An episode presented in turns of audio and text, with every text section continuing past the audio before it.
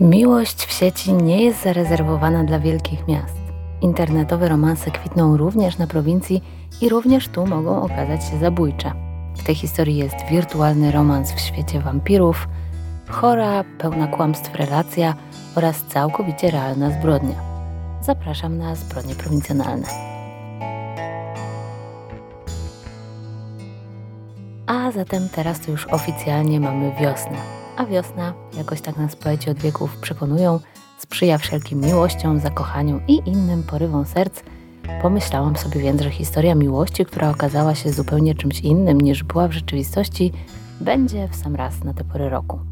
Zanim przejdę do rzeczy, chciałam tylko powiedzieć kilka słów, bo zauważyłam pod ostatnim odcinkiem w komentarzach na YouTubie, że niektórym bardzo przeszkadza to, że ostatnio na Spotify jest więcej odcinków płatnych zbrodni prowincjonalnych niż darmowych, więc chciałam tylko przypomnieć jeszcze raz, że odcinki na Spotify to odcinki archiwalne sprzed roku, sprzed dwóch lat, także to nie jest tak, że ja teraz nagrywam po dwa płatne odcinki w tygodniu, a płatna subskrypcja jest jedyną formą monetyzacji dostępną dla mnie obecnie na Spotify.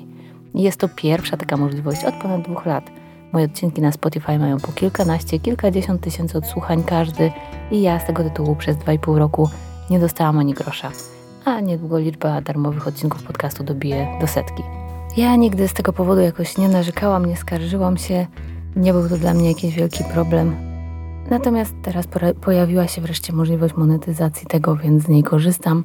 Faktycznie dorzucam teraz dość dużo odcinków bonusowych w krótkim czasie, ale to dlatego, że chcę w miarę szybko stworzyć na Spotify takie pełne archiwum dla subskrybentów.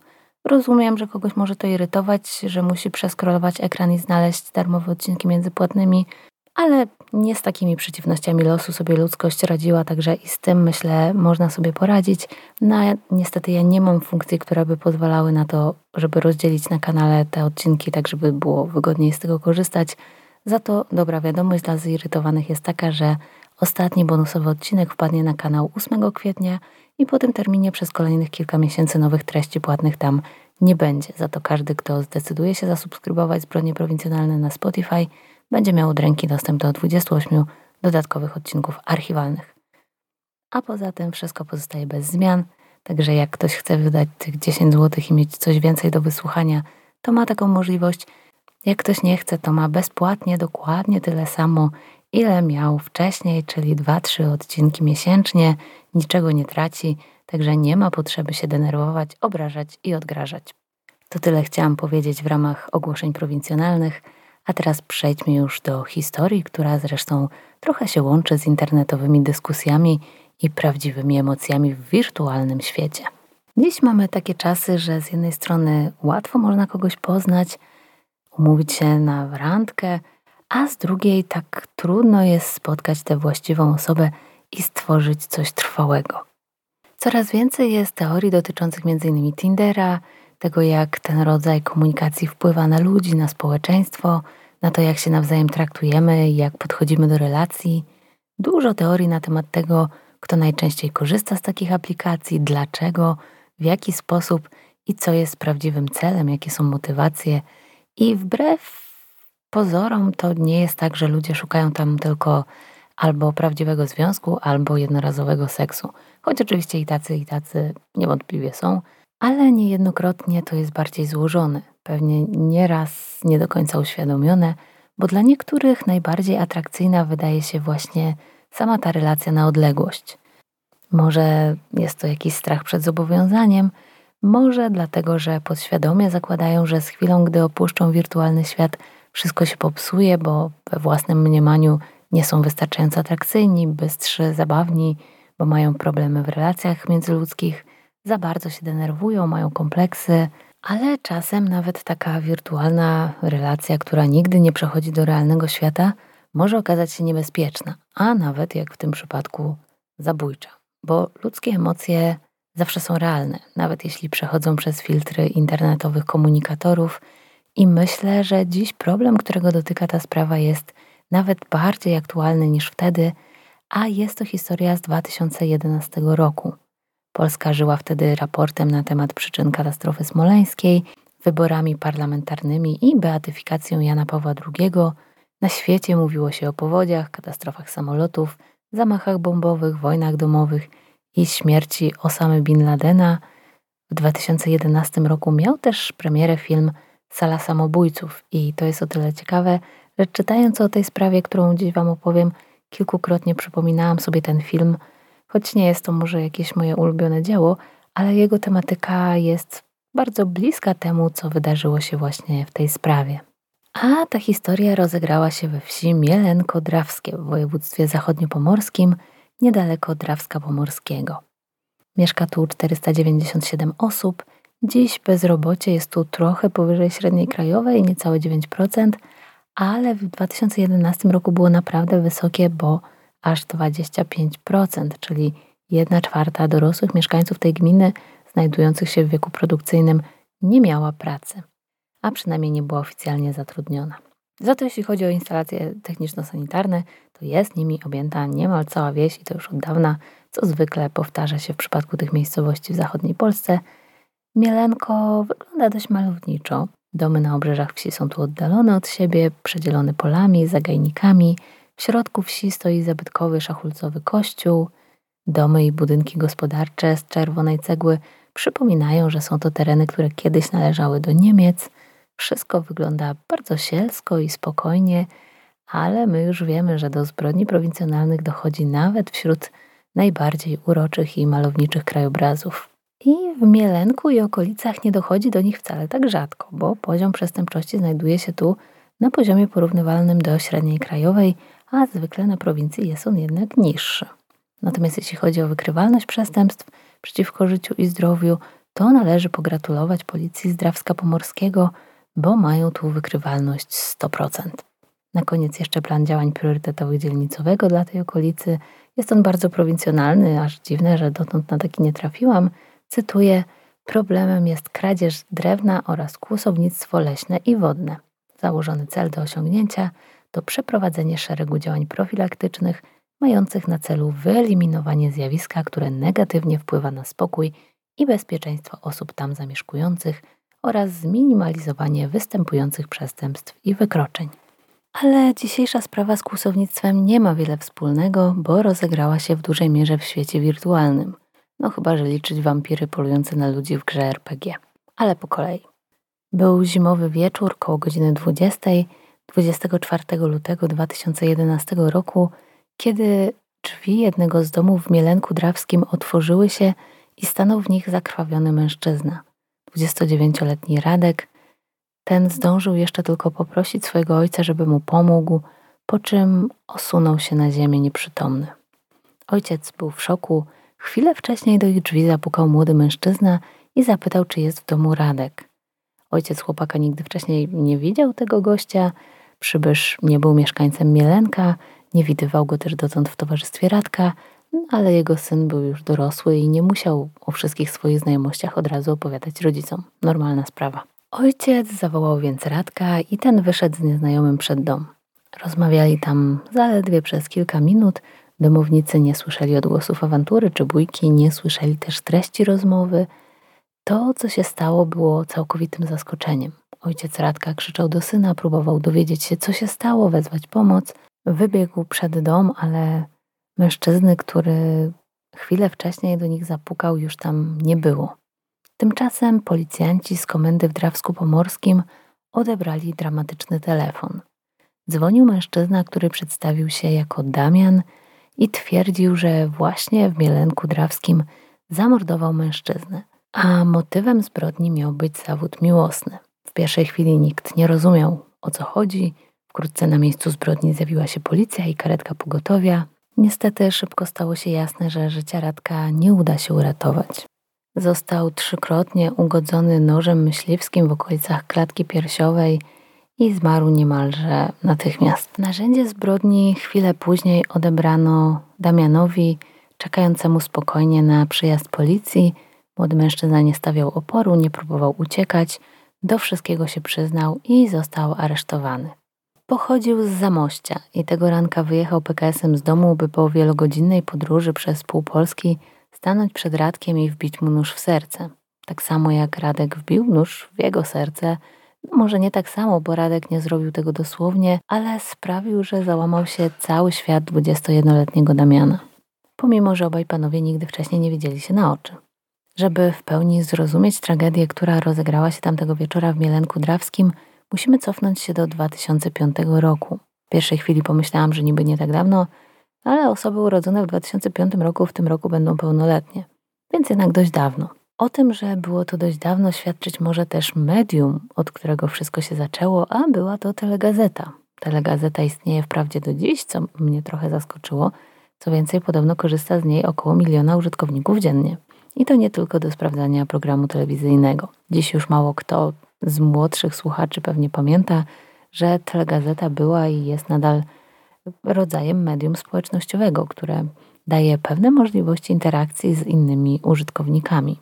I właśnie z tej funkcji telegazety w 2005 roku postanowił skorzystać 15-letni Damian z Zamościa.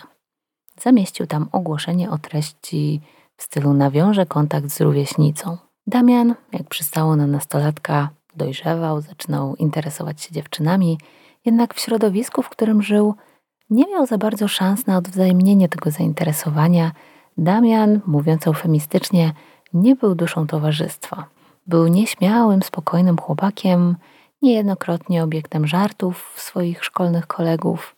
Mieszkał w bloku na obrzeżach Zamościa i dużo czasu spędzał w swoim pokoju przed komputerem.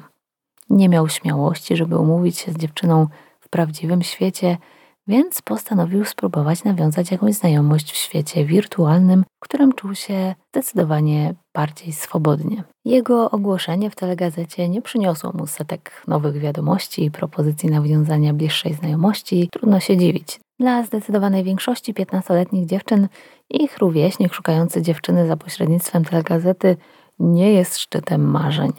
Nie mam co do tego wątpliwości, jednak po pewnym czasie ktoś na tę jego wiadomość w końcu odpowiedział. Chłopak dostał wiadomość od Ani, dziewczyna chciała lepiej go poznać, zaczęli więc wymieniać smsy. Ania wysłała mu też na maila swoje zdjęcie. Była śliczną, jasnowłosą nastolatką, miała piękne oczy.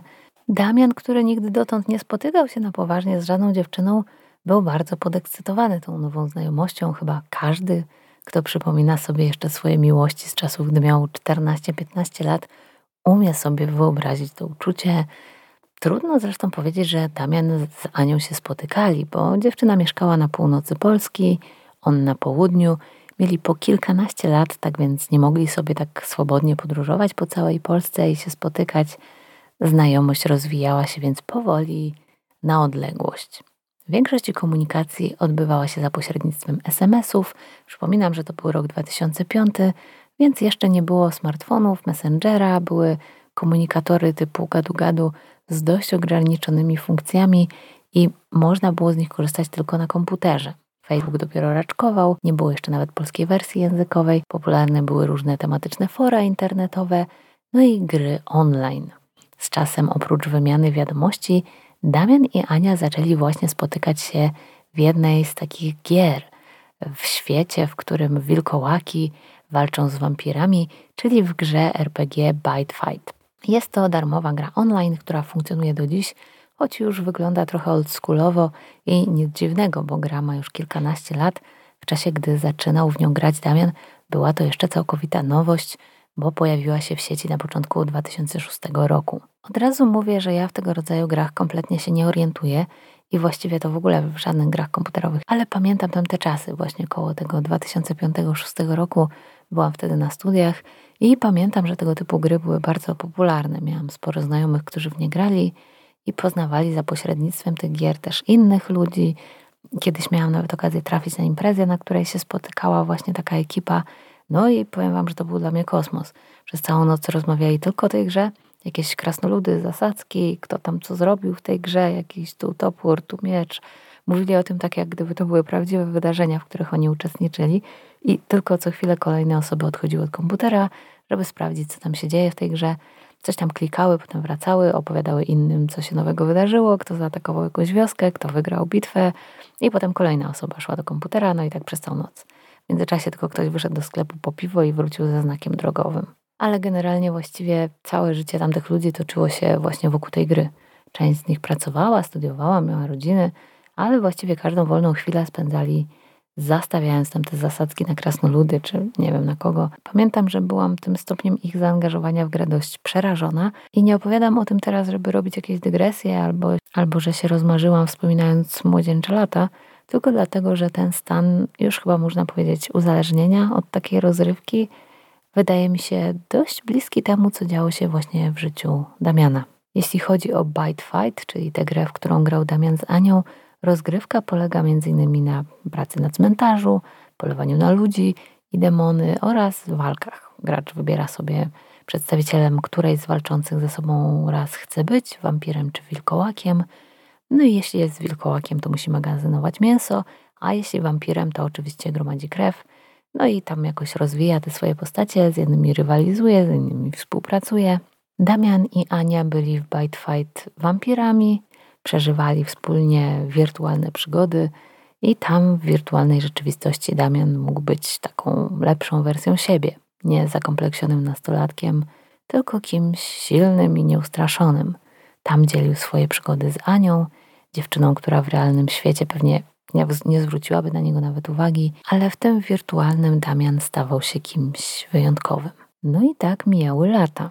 Damian był jednak coraz starszy, skończył gimnazjum, poszedł do szkoły średniej, a wiadomości, jakie wymieniał z Anią, stawały się coraz bardziej intymne i erotyczne.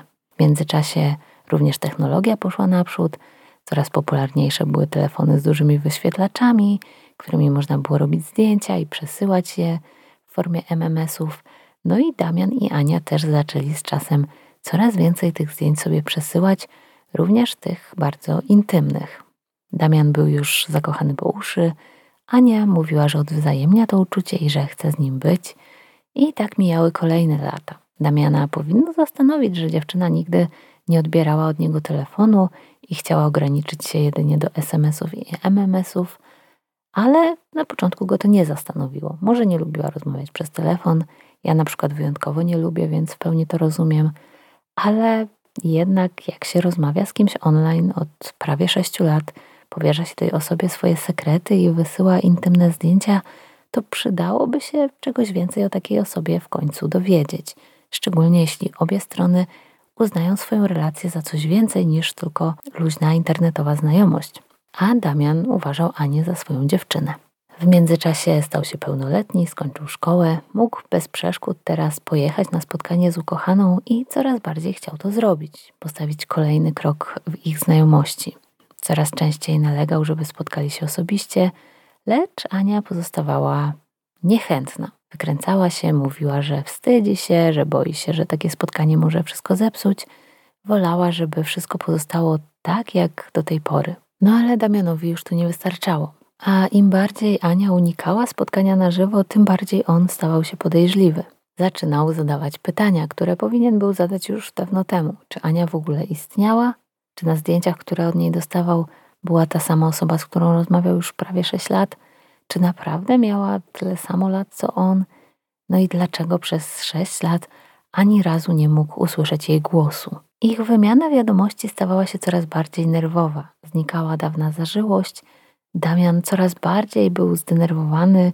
Przez tyle lat był zakochany w Ani, dochowywał jej wierności, uważał za najbliższego sobie człowieka, a teraz, o kilka lat starszy, bardziej świadomy, dochodził do wniosku, że mógł paść ofiarą jakiegoś oszustwa, że ktoś z jakichś chorych pobudek zadrwił sobie z jego uczuć, wyłudzał od niego intymne zwierzenia, erotyczne fotki, w jakim celu to robił. Wreszcie, gdy Damian był już zdeterminowany, coraz bardziej natarczywie domagał się spotkania i skonfrontowania tego, co mówiła mu Ania z rzeczywistością, ona przestała odpowiadać na jego wiadomości, zablokowała go, zerwała kontakt bez słowa wyjaśnienia. Tak po prostu, po sześciu latach. Było to gdzieś na przełomie 2010 i 2011 roku. Damian był jednak poważnie zaangażowany w ten związek. Może nawet można by to zaangażowanie nazwać obsesją czy uzależnieniem. Nie umiał tak po prostu przejść do porządku dziennego nad tym, że ktoś w taki sposób sobie z niego zadrwił. Przecież poświęcił tej osobie sześć lat swojego życia. Musiał się dowiedzieć, komu tak naprawdę zwierzał się z rzeczy, o których nigdy nikomu nie mówił, kto siedział po drugiej stronie monitora. To już był rok 2011 i pejzaż mediów społecznościowych uległ sporym zmianom. W powszechnym użyciu był już m.in. Facebook. Damian rozpoczął więc małe śledztwo. I to śledztwo zaprowadziło go właśnie przed drzwi Radosława Zmielenka-Drawskiego. Na podstawie adresu e-mail, numeru telefonu, kont w różnych miejscach i różnych informacji, które udało mu się zdobyć podczas ich znajomości, Damianowi udało się dotrzeć do znajomych swojej sympatii. Odnalazł też w sieci dziewczynę ze zdjęć, które dostawał, no i okazało się, że wcale nie miała na imię Ania. I nigdy nie odpowiedziała na ogłoszenie w telegazecie, nikomu obcemu też swoich zdjęć nie przesyłała. No i wreszcie z przerażeniem Damian odkrył, że jego ukochana to 29-letni stolarz spod Drawska Pomorskiego. Dziewczyna, w której zdjęcia Damian wpatrywał się tyle razy, była koleżanką siostry mężczyzny i nie miała pojęcia, że ten posługuje się jej wizerunkiem do wyrywania w sieci nieletnich chłopców. Damian wyjął więc z szuflady rodzinną pamiątkę, myśliwski nóż i wyruszył PKS-em do Mielenka Drawskiego, żeby spojrzeć w oczy człowiekowi, który zniszczył mu życie. Kiedy podczas krótkiej rozmowy Radek przyznał się, że to on stał za oszustwem, Damian wyjął nóż i dźgnął go trzykrotnie w klatkę piersiową. Był tak załamany, że było mu już właściwie wszystko jedno. No i tak się skończył ten głupi żart. Tylko czy na pewno to był głupi żart? Przez to, że Radosław zginął, nie dowiedzieliśmy się tak naprawdę i pewnie nigdy się nie dowiemy, co, dlaczego właściwie zrobił to, co zrobił. Oczywiście mógł sobie dla żartu napisać do jakiegoś nastolatka, podając się za dziewczynę, i na początku może i go to bawiło, nie świadczyłoby to o nim najlepiej, ale wiele osób ma taką pokusę, żeby sobie dla żartu na jakimś komunikatorze napisać do kogoś nieznajomego jakiś głupi tekst albo podać się za kogoś innego, żeby się ponaśmiewać z kumplami, czy w sumie nie wiem po co, ale zwykle to są jakieś pojedyncze wymiany wiadomości, które szybko się kończą. Nie relacje, które trwają latami. Już po kilku dniach, może tygodniach, coś takiego powinno się człowiekowi znudzić. Kilka miesięcy to już by była przesada, no ale sześć lat – przez sześć lat pisać z kimś, wymieniać intymne, erotyczne wiadomości i zdjęcia tylko dla żartu. Media zwykle opisywały to właśnie w taki sposób, że Radosław posunął się do okrutnego żartu, ale myślę, że tam musiało być coś więcej. Nie wydaje mi się, że to oszustwo wynikało z czystej złośliwości, czy chęci skrzywdzenia kogoś, czy ośmieszenia, no bo tak jak mówię, zbyt długo to trwało. Wydaje mi się, że mimo wszystko dla Radosława to nie były tylko żarty – że czerpał z tego nie wiem co, satysfakcję, podniecenie, może miał problemy ze swoją seksualnością, wstydził się otwarcie przyznać do swojej orientacji. W małej miejscowości, w której mieszkał kilkanaście lat temu, pewnie nie miał za bardzo szans na wyjście z szafy. Może ta znajomość była dla niego zamiennikiem prawdziwej relacji z osobą tej samej płci, w którą w realu nie odważyłby się wejść. Możemy jedynie zgadywać. Niektóre źródła podają, że Radosław miał też konta na portalach dla gejów, co potwierdzałoby tę teorię, ale nie ma co do tego pewności, bo media piszą tylko o nieoficjalnych źródłach i nikt nie zrobił screenów tego konta, czy w żaden inny sposób nie udowodnił, że ono rzeczywiście istniało. Przynajmniej nigdy nie zostało to upublicznione. Sąd zdecydował o wyłączeniu jawności w tej sprawie, w związku z tym, że w grę wchodziły intymne relacje, również te dotyczące sfery erotycznej, przez pierwsze lata tej znajomości jedna ze stron była niepełnoletnia, także uznano, że szczegóły sprawy nie będą podawane do wiadomości publicznej, zarówno z uwagi na oskarżonego i jego rodzinę, jak i dla dobra rodziny ofiary.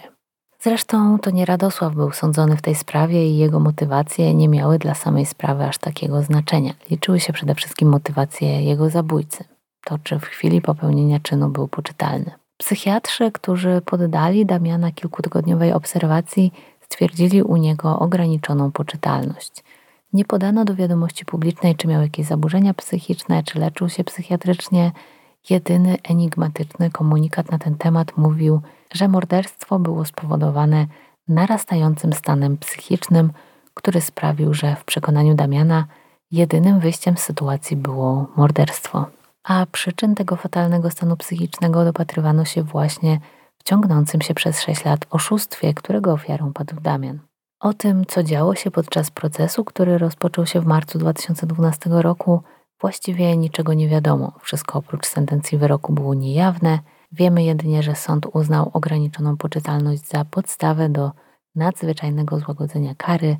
Damian został skazany jedynie na 6 lat więzienia, podczas gdy normalnie minimalna kara w przypadku zabójstwa to 8 lat. Pewnie nie bez znaczenia był tu też młody wiek oskarżonego i cała ta dziwna relacja, w której tkwił. Ten wyrok jest jednak ciekawy i jednocześnie trochę niepokojący. Nie umiem powiedzieć, czy się z nim zgadzam, czy nie, i czy moim zdaniem sprawiedliwości stało się zadość, czy też nie. I kiedy czytałam komentarze do tej sprawy, widziałam, że też ludzie nie są jednomyślni w jego ocenie i jak to zwykle u nas bywa, dzielą się na dwa obozy.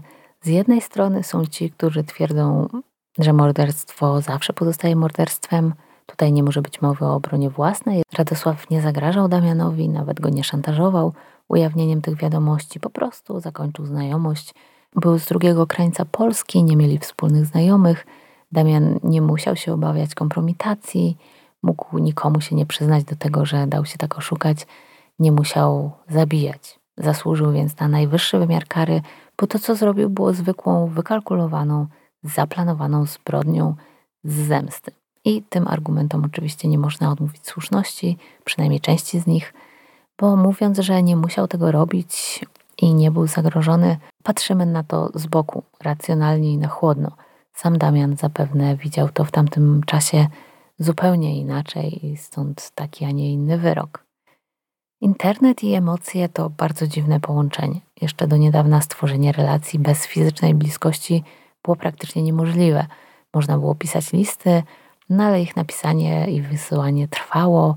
Nie była możliwa taka stała obecność i wymiana wiadomości w czasie rzeczywistym.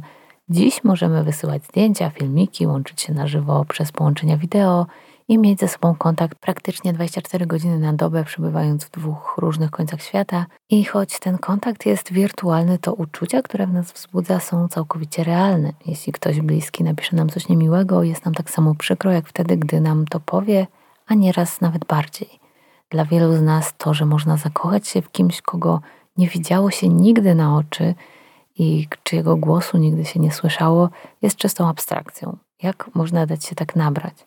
uwierzyć komuś, kto unika spotkań, unika rozmów telefonicznych. Przecież to od razu powinno być oczywiste. Powinien się zorientować, że coś jest nie tak i dać sobie spokój z taką znajomością. Tyle, że tacy oszuści zwykle wybierają sobie za cel ludzi zagubionych, spragnionych czyjejś uwagi, samotnych, zranionych, zakompleksionych, takich, którzy będą gotowi wybaczyć bardzo wiele, byle tylko dostać ten rodzaj uwagi i więzi, którego im w życiu brakuje – i będą woleli czasem sami siebie oszukiwać, niż stracić choćby tę namiastkę relacji. Pojawiły się informacje, że Damian nie był jedyną osobą, z którą Radosław utrzymywał taką dziwną wirtualną relację, mógł więc mieć już pewne doświadczenie. Z drugiej strony natknęłam się na sporo komentarzy w tonie potępiającym ofiarę i usprawiedliwiającym mordercę, na zasadzie i dobrze mu tak zasłużył sobie też bym tak zrobił, zrobiła na jego miejscu, gdyby ktoś mnie tak oszukał. No jest to dość niepokojący tok myślenia i niepokojący wydźwięk społeczny sprawy, bo generalnie wyrok, każdy wyrok powinien zniechęcać innych do popełnienia podobnych czynów, a ten widać nie do końca zniechęcił do wymierzania sprawiedliwości na własną rękę i niejako posłużył niektórym za usprawiedliwienie podobnych czynów. I oczywiście to, co robił Radosław, było obrzydliwe. Z jakichkolwiek pobudek by tego nie robił i jakich problemów by nie miał, nie można bawić się w taki sposób innymi ludźmi i nikt nie zasługuje na to, żeby go tak wykorzystać. Niestety nie ma za bardzo możliwości, żeby tego rodzaju oszustwa ścigać na drodze sądowej. Gdyby doszło tu do jakiegoś wyłudzenia pieniędzy czy stalkingu, szantażu, no to byłyby jakieś podstawy, ale tak, za posługiwanie się wymyśloną tożsamością, żeby prowadzić SMS-owy flirt, raczej nikt nie będzie w Polsce ścigał. Nawet e, jeśli udałoby się tam znaleźć jakieś przepisy, które złamał, to w praktyce taka sprawa pewnie i tak zostałaby w końcu umorzona. Pewnie tutaj można byłoby pociągnąć go do odpowiedzialności z uwagi na to, że kiedy zaczęła się ta znajomość, Damian był nieletni, a Radosław był już dorosły, więc mogło tu wchodzić w grę uwiedzenie nieletniego. Jeśli już wtedy w grę wchodziły jakieś treści erotyczne, no to może jakieś zarzuty można by mu było postawić. Ale biorąc pod uwagę, że Radosław nigdy nie dążył do spotkania z Damianem i wszystko odbywało się jedynie w sieci, no to pewnie jakiejś wielkiej kary by za to nie dostał, o ile w ogóle jakąś, szczególnie tych kilkanaście lat temu, kiedy jeszcze w ogóle nie bardzo było wiadomo, jak traktować te różne nadużycia w sieci. Świadomość tego była o wiele mniejsza. To nawet dzisiaj jest ciągle mało uregulowane, ale wtedy to w ogóle była abstrakcja. Ale ta najgorsza krzywda, jaką zrobił Damianowi Radosław, nie jest tak naprawdę nielegalna, bo łamanie serc nie jest niezgodne z prawem. Bawienie się czyimiś uczuciami, manipulowanie, uzależnianie od siebie nie jest tak naprawdę nielegalne. Dopóki w grę nie wchodzi bezpośrednia przemoc fizyczna, psychiczna, seksualna, ograniczanie wolności, kradzieże, wyłudzenia itd., tak to można całkowicie legalnie być ostatnim fałszywym złamasem i w życiu prywatnym, i w internecie. No tak jest.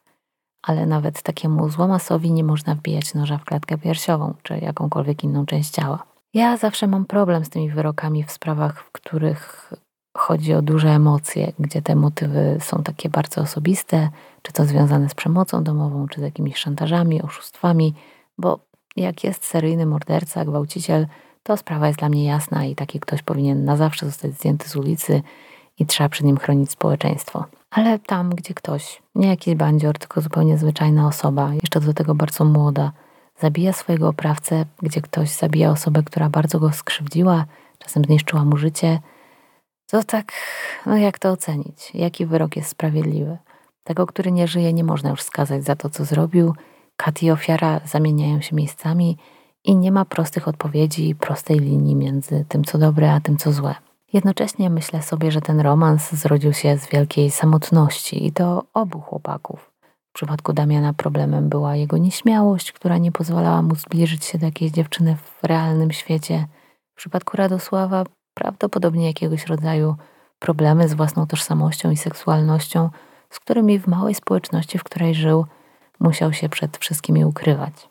Ja lubię powtarzać, że to nieprawda, że ludzie najgłupsze rzeczy robią z miłości, bo w rzeczywistości przyczyną większości naszych szalonych, poronionych i głupich decyzji wcale nie jest miłość, tylko samotność i strach przed samotnością. Bo czasem tak strasznie chcemy przed nią uciec, że nie dostrzegamy tego, że ta droga, którą wybraliśmy, tak naprawdę jest o wiele gorsza i bardziej bolesna od samotności.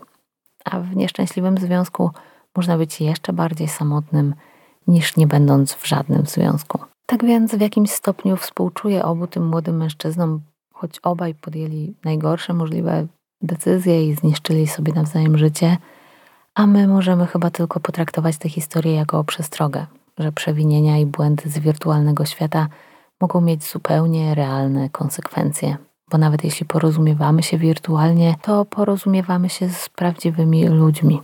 I tą konkluzją zbliżamy się do końca odcinka. Źródła jak zawsze macie podlinkowane w opisie. Są tam też linki do subskrypcji na Spotify i do Patronite'a. Specjalne podziękowania dla moich patronów z najwyższych progów, czyli KP, Rafał Borowski, Marcin Trzeciak, Waldek Czapiewski i Inka W. Reszta podziękowań jak zawsze w opisie i na planszy na YouTubie. A ja żegnam się już z Wami. Mam nadzieję, że czujecie wiosnę i słuchaliście tego odcinka w jakimś przyjemnym otoczeniu. A tymczasem do usłyszenia i zapraszam na kolejne odcinki zbrodni prowincjonalnych.